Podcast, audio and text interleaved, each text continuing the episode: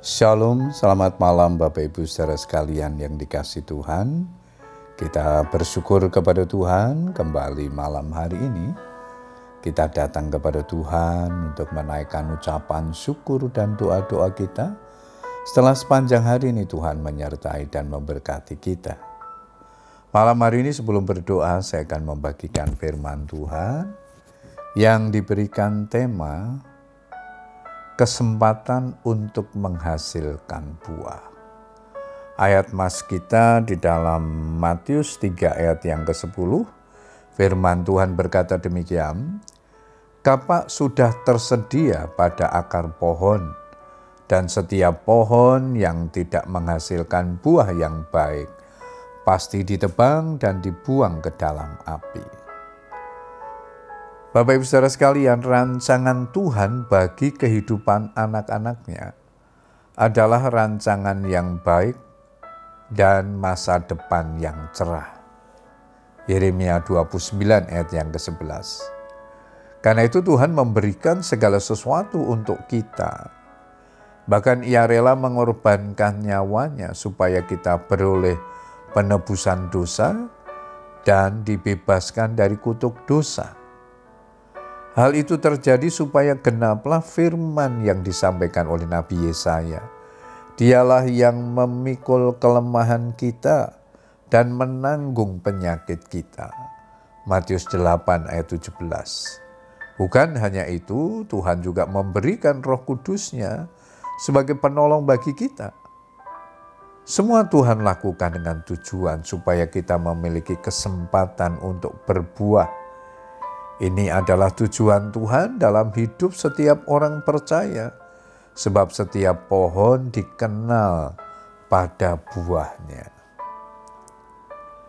Buah pertama yang dihasilkan orang percaya adalah buah pertobatan. Matius 3 ayat yang ke-8, jadi hasilkanlah buah yang sesuai dengan pertobatan. Buah pertobatan dalam diri seseorang akan terlihat jelas melalui perubahan hidup yang semakin baik, yaitu meninggalkan kehidupan lama dan menjalani hidup sebagai manusia baru. Manusia baru adalah pekerjaan daripada Bapa sendiri yang dikerjakannya secara sempurna melalui Kristus, yaitu bahwa kamu berhubung dengan kehidupan kamu yang dahulu harus menanggalkan manusia lama yang menemui kebinasaannya oleh nafsunya yang menyesatkan, supaya kamu dibaharui di dalam roh dan pikiranmu dan mengenakan manusia baru yang telah diciptakan menurut kehendak Allah di dalam kebenaran dan kekudusan yang sesungguhnya. Efesus 4, 22, 24. Selanjutnya buah yang harus dihasilkan oleh orang percaya adalah buah roh. Orang yang sudah mengalami pertobatan sejati pasti akan menghasilkan buah roh di dalam kehidupannya, yaitu kasih, sukacita, damai sejahtera, kesabaran, kemurahan, kebaikan, kesetiaan, kelemah lembutan, penguasaan diri. Tidak ada hukum yang menentang hal-hal itu.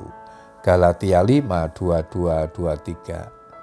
Ketika buah pertobatan dan buah roh berjalan secara seimbang, saat itulah kehidupan seseorang melangkah ke taraf lebih lagi, yaitu hidup yang menjadi berkat atau kesaksian bagi orang lain.